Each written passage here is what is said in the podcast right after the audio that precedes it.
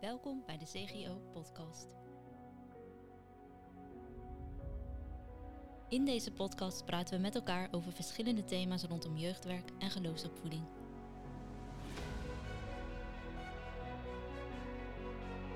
Met elke keer een nieuwe gast, leuke anekdotes en leerzame ideeën. Zo hopen we jou te bemoedigen en te inspireren. Leuk dat je luistert. Ja, zeker weten. Superleuk dat je luistert naar een nieuw seizoen. Want we zijn er weer. Uh, na even een korte winterstop uh, is het weer tijd voor een hele nieuwe serie, seizoen 3 van de CGO-podcast. Superleuk dat je luistert als je dat voor het eerst doet of als je dat al vaker hebt gedaan. We hopen ook in dit seizoen weer een super mooie afleveringen aan jullie aan te bieden. Met de meest uiteenlopende onderwerpen over kerkelijk jeugdwerk, over geloofsopvoeding. En ja, die kruisbestuiven elkaar natuurlijk ook regelmatig, dus dat zul je ook gaan merken. En uh, dan gaan we vertrappen vandaag uh, lekker af, vind ik zelf. We hebben twee hele leuke gasten hier in de studio. En ook een heel boeiend onderwerp wel. Uh, dat vind ik toch wel. En nou ja, allereerst is hier bij mij in de studio mijn collega Sanne. Hoi. Hi. ben je staat allemaal goed? Ben je een beetje goed de winter doorgekomen? Zeker. Nou, kijk eens aan. Helemaal goed. En onze gast van vandaag is Willemijn, Willemijn de Weert. Goedemorgen is het nu nog voor ons, maar ik weet natuurlijk niet wanneer je luistert. Maar wij zeggen nu even goedemorgen. Goedemorgen.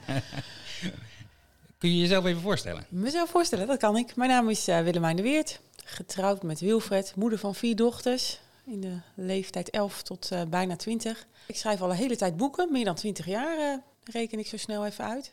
En dat zijn heel veel kinderboeken geweest, maar ook voor volwassenen de laatste tijd wat boeken. En ook nog een tijd in het onderwijs werkzaam geweest.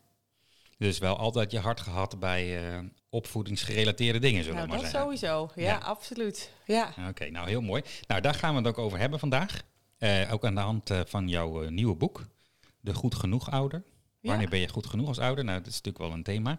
Maar voordat we dat gaan doen, gaan we ook in het nieuwe seizoen natuurlijk weer eventjes ehm, beginnen met onze eigen rubriek. Believe it or not. Precies, en dan moet ik er nog even een beetje aan wennen. Ik praat er nog half doorheen. Believe it or not heet het. Willemijn, je hebt een verhaal voor ons. Ja, en aan ons de, de schone taak aan Sanne en mij en aan de luisteraar natuurlijk. Ja, is dit nou waar wat jij vertelt of heb je het gewoon lekker zitten verzinnen? Nou, aan het eind van de aflevering mag je het verklappen. Maar uh, voor nu zijn we even benieuwd. Wat is jouw verhaal? Wat is mijn verhaal? Nou ja, hier ligt het een opvoedboek. Maar ik zei net al, ik ben al heel lang uh, bezig met schrijven. En ik heb al eerder een vraag gekregen voor een opvoedboek. Dat is uh, toen mijn gezin allemaal nog een stukje jonger was. In ieder geval de oudste drie zaten op de basisschool. De jongste was een peuter.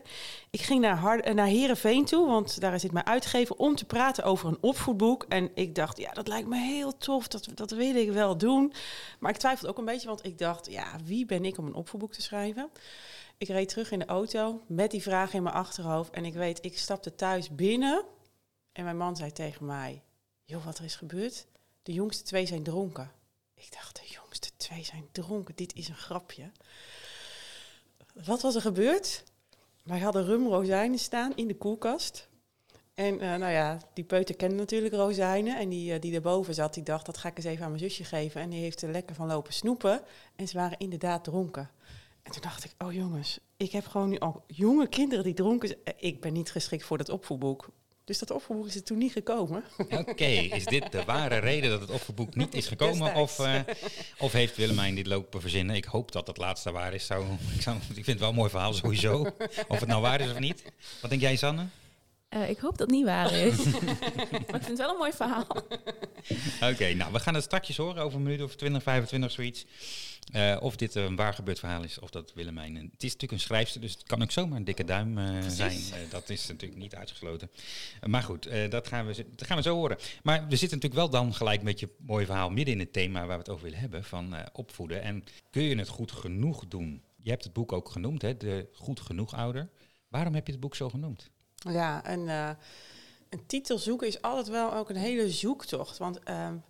Uh, dus het was niet zo dat we gelijk dachten, oh, dit wordt een boek heet er goed genoeg ouder. Maar in, uh, je ziet tegenwoordig dat best wel veel, uh, nou, we, we leven in een prestatiemaatschappij, die druk voelen wij als ouders ook. En ik denk dat heel veel ouders het toch wel heel graag goed willen doen.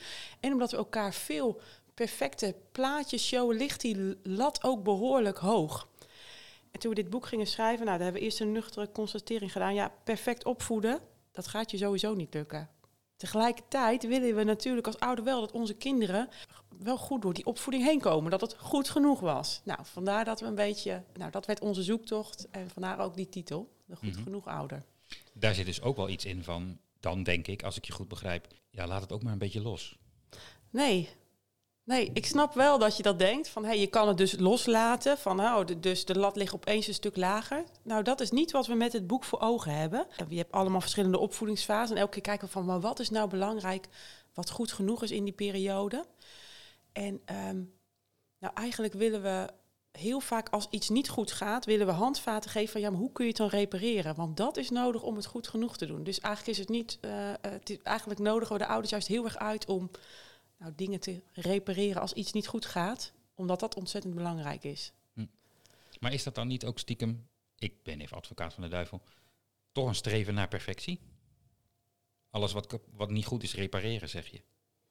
Nou, in ieder geval, kijk, ehm, eh, om maar even een onderwerp te noemen, dat is één ook die we in ons boek eh, behandelen. Dat gaat over hechting. Dat je gewoon afgestemd bent als ouder en kind op elkaar. Dat is natuurlijk iets heel belangrijks.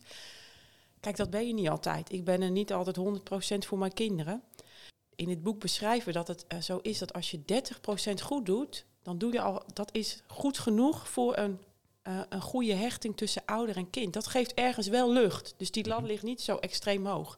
Het is wel heel erg belangrijk dat je die overige 70% wel repareert.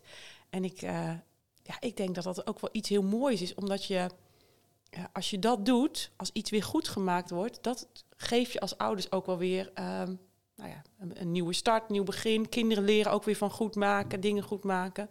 Dus ik denk dat het vooral heel veel lucht geeft. Oké, ja. Ja. En hoe heb jij dat ervaren, Sanne? Hoe heb- kijk jij terug op je opvoeding? Ja, nou, dat is wel een hele grote vraag natuurlijk. Daar hou ik Maar- van. Ik denk dat wanneer je als ouder bijvoorbeeld de perfecte ouder wil zijn, dat je dan de lat voor je kinderen heel hoog legt. Want als je dan geen fouten mag maken, eh, hoe, hoe, wil je, hoe wil je dat dan aan je kinderen uit gaan leggen eh, dat, dat die lat bij hen zo hoog ligt? Dus eh, ik denk wel wat Willemijn ook zegt over dat je je bewust bent van hey, wanneer is het goed genoeg en die balans tussen wat mag ik loslaten en waarin moet ik mijn kinderen begeleiden dat, dat, dat die niet perfect hoeft, hoeft te zijn. Dat, je, dat je niet alles maar goed, goed hoeft te doen. Eh, maar dat je ook een stukje je, je, je fouten erkennen eh, en dat dus voorleven, zodat je kind dat later ook goed kan doen. Want zo heb ik die titel, sorry dat ik nog heel even op doorga, maar ook wel een beetje ervaren. Zo van, is het ook niet een soort oproep van, geef nou ook gewoon eens toe als je het een keer niet zo goed doet als ouder zijnde?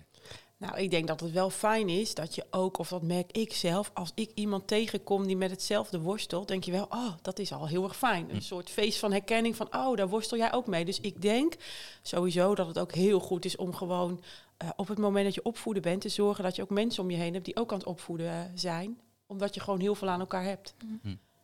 Want dat werkt ook door, hè? dat schrijf je ook in het boek, van je eigen opvoeding, hoe je zelf bent grootgekomen, dat heeft een rol in hoe je je eigen kinderen weer opvoedt. Ja, zeker ja. En toch zeg je ook, als je zelf dus een pijnlijke jeugd hebt gehad, om het maar zo te noemen, een moeilijke jeugd, hoeft dat niet te betekenen dat je dat dus automatisch ook weer doorgeeft aan je kinderen. Ja, nou we beginnen het eerste hoofdstuk ook over families, omdat we dat zo belangrijk vinden. En daar zeggen we, volgens mij bedoel je dat ook, eh, daar zeggen we van, eh, als jij de stenen niet opruimt, dan gaan je kinderen erover struikelen. Of verdriet wat niet verwerkt is, dat wordt uiteindelijk doorgegeven aan je kinderen. En vandaar dat we ook zo graag met dit hoofdstuk wilden beginnen. Ehm, we hebben eigenlijk een soort check van, nou wat is nou een functioneel gezin, wat is een dysfunctioneel gezin. Maar ook heel praktisch, als je gewoon tot de constatering komt dat je tekort hebt gehad, is het gewoon heel erg belangrijk om daarmee aan de slag te gaan. Want als je dat niet doet, ja, dan kan je dat doorgeven en dat wil je niet. En ehm, nou, er staan ook hele hoopvolle verhalen in. Eh, de, mijn mede-auteur Michelle van Düsseldorp, die heeft eh, zelf komt ook uit een dysfunctioneel gezin. Dus die heeft ook daar, is ook mee aan de slag gegaan. Dan zie je ook eh, nou, dat er gewoon hoop is. Ik vertel in dit boek een verhaal van mijn eh, opa, die als kind verlaten is door zijn eh, ouders. Oh. Ook wat voor belangrijke eh, rol hij heeft gehad. Ook, ehm, eh, nou ja, dat is natuurlijk iets heel heftig. Van Als je het alleen even heeft over die hechting, was dat bij hem niet goed. En hij heeft mij er ook altijd, hij leeft inmiddels niet meer, maar toen hij bij me kwam, zei hij altijd: Oh, je kind liefde geven, dat is zo belangrijk. Deze hoopvolle verhalen wilde ik ook heel graag vertellen. Om ook te zien dat er herstel is, ook als dingen niet eh, goed zijn gegaan. En dus, eh, kun, je daar, kun je daar nog iets concreets over noemen? Hoe ziet hoopvol opvoeden eruit in de praktijk? Ja, hoopvol opvoeden heeft ermee te maken dat als... ehm, kijk, weet je, hoe jouw situatie is geweest, daar kan je niks aan doen. Maar hoe je ermee omgaat wel. En ehm hoopvol opvoeden heeft dan ook mee te maken dat je gewoon hoop mag houden. Ook als dingen niet eh, goed gaan, dat er herstel mogelijk eh, is. Hm. Ja. Want hoe ziet dat dit dan in de praktijk uit? Dat herstel. Hoe ziet dat eh, eruit? Ehm, nou, om even een concreet voorbeeld te noemen. Ja, je hebt natuurlijk heel vaak momenten dat, dat wij hebben dan nu flink wat pubers in huis. Ja, die komen wel eens bij me. En dan soms zit ik gewoon nog eh, helemaal met mijn hoofd in een eh, verhaal of in een opdracht die ingeleefd moet worden. Dan ben ik gewoon niet helemaal beschikbaar voor ze. En dan, dan merk ik dat later wel eens. Dan denk ik, ah, die puber kwam even bij me. Die had mij even nodig als moeder. En ik zat gewoon nog met mijn hoofd bijvoorbeeld bij eh, mijn opdracht die ingeleverd moest worden. En ik denk dat je dan gewoon daarna naar ze toe kan gaan van... hé, hey, jij kwam net bij me, je had me nodig, maar ik was er even niet. Maar ik ben wel geïnteresseerd in je. Joh, vertel nu eens, wat, wat wou je net vertellen? Ik, ik ben er nu voor je. Hm. Ja, dus dat je zo'n ander moment Ja. neemt om het goed te maken. Ja, Dus ergens op terugkomen is ja eh, heel belangrijk. absoluut. En ook sorry zeggen of, of aangeven als dingen niet goed gaan. En het mooie is, daar leren kinderen uiteindelijk ook weer van. Eh, volgens mij schrijven we dat ook in het opvoedboek, dat dacht ik wel. Dat je kinderen vooral leren van wat ze zien, nog veel meer van wat je zegt. Dus op het moment dat jij sorry zegt, geef je ze een hele belangrijke les mee. Want daar, eh, wat ze zien, dat, dat nemen ze vooral over. Ja, opvoeden is afkijken. Vooral ja. ja. Zijn we dat ons dat wel voldoende bewust als ouders, denk ik? Ik, ik, ik vraag, stel die vraag natuurlijk niet zomaar. Nou, ik vind het dan wel weer een beetje schokkend. Dat komt misschien ook omdat ik heel graag met woorden bezig ben. Maar ik vind het heel fijn om dingen eh, met woorden over te brengen. Dus eh, toen ik dit opschreef, toen dacht ik wel... oh jongens, het gaat echt vooral om wat ik laat zien. Hm. Ja, dus voor mezelf was wel weer even een eye-opener van... eh, Het is ook wel confronterend misschien. ja, ook wel ja. Dat is het, eh, dat, dat is het wel. En ik denk ook eh, aan de andere kant weer... Ik denk dat iedereen toch wel eh, een bepaald plaatje in zijn hoofd had toen hij ging opvoeden. Ik hou echt heel erg van harmonie. Dus in mijn optiek zitten we het liefst allemaal gezellig, gezellig te doen met elkaar. En het heeft mij bijvoorbeeld dus ook best wel lucht gegeven op het moment dat het niet zo gezellig is. Of dat ze ruzie maken. Of dat ik als moeder boos ben. Wat ik, oh, dat vind ik echt heel erg. Mhm. Dat ik dan denk, oh maar wacht. Nu geef ik, laat ik mijn kinderen dus ook allemaal dingen zien. Ook hoe ik het goed moet maken. Dus eh, in die zin is het ook alweer iets heel eh, moois. Dat ze daar heel veel van leren. Want op het moment waarvan je denkt, ah ik baal hiervan als opvoeden. eh, kan je zelf ook troost door te zeggen, ja maar we ge- op dit moment wordt er heel veel geleerd binnen de veilige setting van het gezin. En dat is natuurlijk ook weer super mooi. Ja. Ook een voorbeeldfunctie in, in, je, in de negatieve, je mindere kanten. Ja, absoluut. Ja. En dat vind ik ook wel heel mooi. Wat, wat vind, als jij dat hoort, Sanne. Jij hebt een PGB-kindje bijvoorbeeld. En die hebt Klopt. wel eens verteld buiten deze podcast, omdat die, eh, ja, die ook wel eens eh, opstandige gedrag en dergelijke heeft. Je begint al te af lachen. en toe. dat, dat herken ik wel. Hoe ga je daarmee om? Ja, dat ligt een beetje per, per situatie, denk ik wel. Maar als bijvoorbeeld zij eh, vindt het heel leuk om een koekje te pakken uit de koektrommel als het niet mag. En dan, eh, dan loop ik er naartoe en dan, eh, dan, is, dan is het heel verleidelijk om dan haar, aan haar te vragen van... hé, maar waarom deed jij dat? Of jij mag dat niet doen. En aan de ene kant wil ik wel een antwoord hebben op die vraag... maar aan de andere kant denk ik wel van, joh... ehm, misschien bekritiseer ik dan haar idee van waarom zij dat deed. Bekritiseer ik haar motivatie daarachter. Wat misschien niet, ook heel, misschien niet heel helpend is. Dus dat, dat, dat vind ik dan nog wel eens lastig. Van, van vraag ik nou precies aan haar van hé, hey, waarom deed je dat? Of geef ik nou zelf mijn eigen grens aan van hé, hey, eh, ik, eh, ik, ik wil dat liever niet dat jij dat doet. Hm. Dus dat is soms nog wel even zoeken. Want als je dan gefrustreerd bent van hé, hey, maar je mag dit niet doen, dan, dan schiet je wel redelijk in de, misschien in de gefrustreerde kant, zeg maar. Wat eh, nou ja, soms wel zoeken is. Ja, Is dat erg, zoeken? nee. Waarom niet? Nou ja, het is denk ik ook wel gewoon menselijk om te kijken van, eh, nou ja, wat past wanneer. En wat Willemijn ook zegt, dat je nou ja, later dan ook je excuses aan kan aanbieden. En dat zij ook kan zien van, hé, maar fouten maken of e- even, even sorry zeggen of iets verkeerd zeggen, dat, eh, dat is geen probleem. Maar de kinderen kijken wel naar hoe los je dat dan op. Precies, kinderen kijken wel naar hoe los je het dan op. Ja, dat is, eh, dat is zeker waar. Nou, je noemde net ook al grenzen. Eh, daar, daar gaan we zo even over door, maar we zijn alweer halverwege. hè. Het gaat heel snel. Dus is het ook in het nieuwe seizoen weer tijd voor, eh, de halverwege input. Uh, mijn man lag in het ziekenhuis. Drie jonge kinderen, twee dames van acht, een zoon van bijna vier. En mijn man werd heel ziek, beland in het ziekenhuis. Uh, ver vervolgens kreeg hij zeven grote buikoperaties. In 2,5 jaar tijd. Uh, dat maakte dat ik mijzelf finaal ben voorbijgelopen. Um, ik werkte zelf als verpleegkundige nog in het ziekenhuis, had geen zorgverlof, dus ik moest echt doorgaan. Uh, kinderen waar ook van alles natuurlijk mee gebeurde, omdat ze bang waren hun vader te verliezen. Een man die mij hard nodig had, omdat ik uh, zelf zijn zorg verleende ook thuis. En um, een hele heftige situatie. En ja, hoe ga je daarmee om als vrouw? Ik vond dat ik het moest kunnen omdat ik zelf verpleegkundige ben. Uh, kinderen konden het eigenlijk niet aan, uh, dus daar moest ik hulp voor zoeken. En ja, waar bleef ik? Nergens eigenlijk. Zo. Ach, waar bleef ik? Ja, heel heftig. Wie, wie, wie hebben we hier gehoord, Sanne?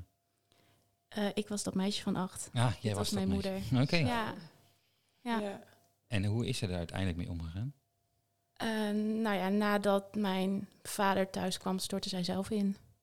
Ja, dus de, de zorg verplaatste zich van, uh, van mijn vader naar mijn moeder. Hm. Ja. Maar uit, uiteindelijk is het allemaal wel goed gekomen en heeft iedereen wel de, de hulp gekregen die, uh, die ze nodig hadden. Ja. Uh, ook, ook de kinderen. Maar ja, op een moment zelf is, is de, de, de, vraag wel relevant van ja, hoe zorg je in zo'n situatie voor jezelf? En waar, ja, en waar leg je je grenzen? Ja, ook. Want, ja. want ook een opvoeder heeft eigen grenzen. Ja. Ja, wij hebben ook een onderwerp, of een hoofdstuk gaat wijden we helemaal aan grenzen. En uh, als je zoiets luistert, beluistert, uh, realiseer je ook van soms is een grens natuurlijk ook heel, uh, heel ingewikkeld. Hè? Kijk, je kan natuurlijk zeggen, je moet goed je grenzen aangeven. En dan hoor je zo'n situatie, denk je, ja, wat, uh, dit is gewoon, je hebt dit geen is gewoon keuze niet te doen. Nee. Soms, uh, ja, Ja. het is gewoon heel veel bij elkaar.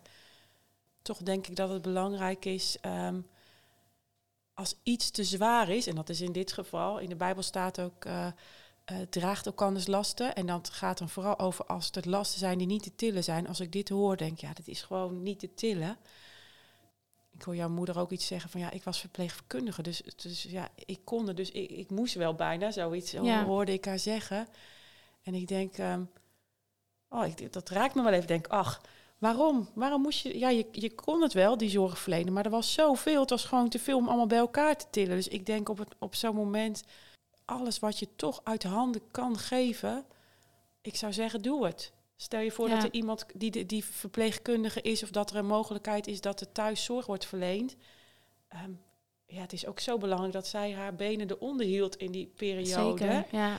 En dat je dan toch ook al, en ik denk dat het uh, misschien ook wel vrouwen eigen is, dat je denkt van, oh, maar dit kan ik wel of dit heb ik altijd wel gedaan. Een heel huishouden, ja, dat, dat deed ik altijd al. Ja, maar uh, op zo'n moment is er zoveel. En dan mag je denk ik ook uh, zorgen dat je die last met meer mensen mag dragen. En dat het, dat, dat heel belangrijk ja. is, want dat, daar gaat het uiteindelijk om, ook met de grenzen. Ja, precies. Ja. Want welke grenzen stellen is nou belangrijker? Die aan jezelf of die aan je kinderen? Ja, we zeiden net al, hè, alles wat jij laat zien, nemen je kinderen over. Dus op het moment dat jij als moeder niet voor je eigen grenzen zorgt, is het ook heel ingewikkeld om dat aan kinderen door te geven. Van joh, jij moet goed op je eigen grenzen uh, letten. Dus het, het, is zo met elkaar verweven dat je het bijna niet los kan trekken. Hm. Dus ik zou zeggen, allebei even belangrijk. Allebei even belangrijk, ja, precies. Ja. Want hoe kan je dat op een goede manier doen? Op een gezonde manier ook, grenzen stellen? Ja, uh, ik denk um, dat, uh, dat het heel belangrijk is dat je hem altijd vanuit jezelf uh, duidelijk maakt. Uh, om even concreet, je hebt bijvoorbeeld peutertjes. Nou, die mogen bijvoorbeeld niet voor op straat spelen, want het is niet veilig. Dan is het heel handig om hem vanuit jezelf te stellen. Dus mama vindt, wil dat jij achter in de tuin blijft.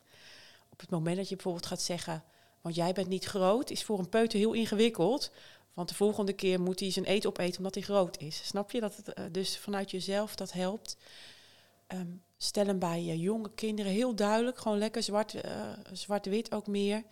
Als kinderen ouder worden, uh, dan kun je ook meer met ze erover praten. Kijk, als je een grens naar pubers duidelijk wil maken, nou, mis- misschien eh, hebben ze een keertje de grens overgegaan, hebben ze meer alcohol gedronken dan jij had afgesproken.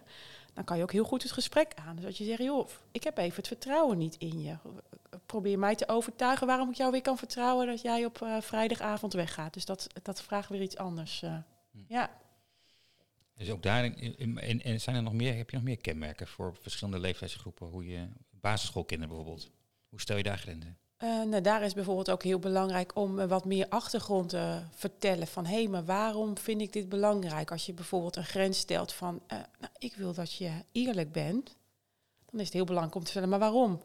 Nou, dan kun je ook een beetje het principe erachter uitleggen. Van weet je, als jij heel vaak liegt, dan gaan mensen je niet meer vertrouwen. En eh, eh, dat zijn, eh, bij die leeftijd begrijpen ze dat. Bij een peuter is dat nog allemaal. eh, hè, vandaar dat je mijn peuter veel zwart-witter houdt, omdat hij dat allemaal nog niet begrijpt. Mm. Empathie is allemaal nog heel ingewikkeld bij die jonge kinderen. Maar bij een basisschoolkind dus meer eh, ook uitleggen waarom je dingen doet. En dan dat puberbrein, wat moeten we daarmee? Dat puberbrein, hè? Ja, Nou ja, dat puberbrein, dus, eh, die kan nog niet zo heel goed grenzen aangeven. Dus die hebben hun ouders ook heel hard nodig om gewoon ehm, eh, die grenzen een beetje... maar dat vinden ze zelf niet. Nee, dat vinden ze zelf. Vertel mij wat. Ja, daarom. Ja, en ik denk dat het gewoon ook ehm, eh, belangrijk is om in, ehm, in gesprek te gaan met ze. Omdat zij veel impulsiever op die leeftijd ook zijn, is het gewoon belangrijk dat jij als ouders dat gesprek aangaat. Ze zeggen je neocortex, eh, die is Mhm. bij ons helemaal mooi ontwikkeld. Die zorgt ervoor dat wij wat langer nadenken, maar een puber dus niet. Ja. Dus moeten wij een beetje hun neocortex zijn en af en toe het gesprek met ze aangaan. Precies, en ook zo leren om te gaan dan met alles wat op ze afkomt. Ja, dat ook. En om nog even bij dat voorbeeld, ik noemde dat net al van eh, dat in de Bijbel staat: draagt elkanders lasten. En ehm, dan wordt er een rotsblok. Eh, als je dat in de grondtekst opzoekt, is dat, gaat het echt om iets wat niet te tillen is in je eentje. Dus denk aan een rotsblok. Nou, daar zegt God ook van: dat mag je als gemeente of als familie samen dragen. Net iets daarvoor staat: iedereen moet zijn eigen last eh, dragen. Dat staat allebei eh, in gelaten. Het is wel mooi om ook daar weer de grondtekst te bekijken dan gaat het om een lichte last, een rugzakje, iets wat je prima zelf kan tillen. En ik denk dat dat ook belangrijk is eh, in de opvoeding. We moeten onze kinderen ook leren dat ze wel bepaalde verantwoordelijkheden zelf gaan dragen. Verschilt ook weer, hè? Een basisschoolkind die kan best wel zelf zijn eigen werkstuk op een gegeven moment. Daar is hij verantwoordelijk voor. Moet je niet als ouder helemaal dat werkstuk gaan maken, want dat is zijn eigen last en die moet hij zelf dragen. En zo werkt dat ook met eh, pubers wel. Op een gegeven moment mogen zij ook de verantwoordelijkheid van hun bestaan steeds meer op zich nemen. En ze gaan tegen dingen aanlopen. Ze komen opeens achter dat hun databundel op is. En dat ze er 60 euro overheen zijn gegaan. Dat is natuurlijk een, een gigantisch bedrag voor een puber.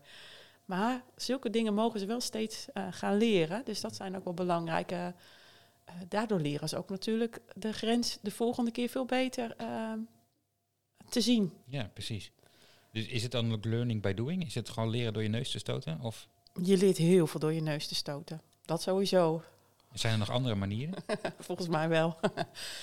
ja, ik, maar als het misgaat, leer je het meeste eh, er natuurlijk eh, van. Mhm. Je leert ook heel veel door eh, naar anderen te kijken.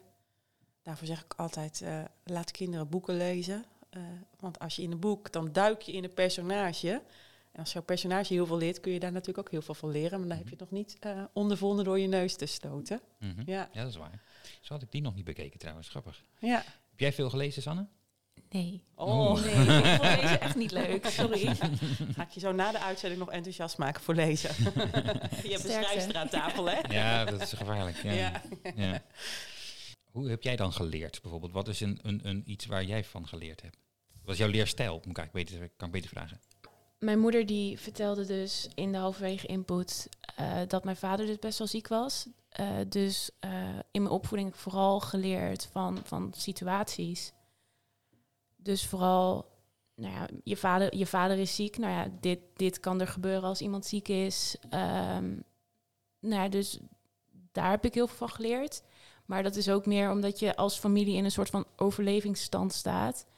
En daarnaast ook wel gewoon veel van, van vriendjes en vriendinnetjes. Daar leer je natuurlijk ook heel veel van. Eh, dat je bij, bij eh, vriendjes en vriendinnetjes gaat spelen en dat je dan gaat kijken van hé, maar hoe, hoe, gaan, hoe gaat zij om met, eh, met haar ouders? Daar leer je veel van. Ik ben ook een keertje blijven zitten en dan kom je als nieuwkomer in een nieuwe groep. Nou ja, dat, is, dat is ook weer omgaan met groepen en weer leren. Dus ja, wat, wat dat betreft heb je heel veel leermogelijkheden. Ja, precies. En waarom is het gezond om te leren? Of is dat het niet? Nou ja, het- ik denk dat het, eh, je bent op weg. Dus je ontwikkeling is wel iets heel moois.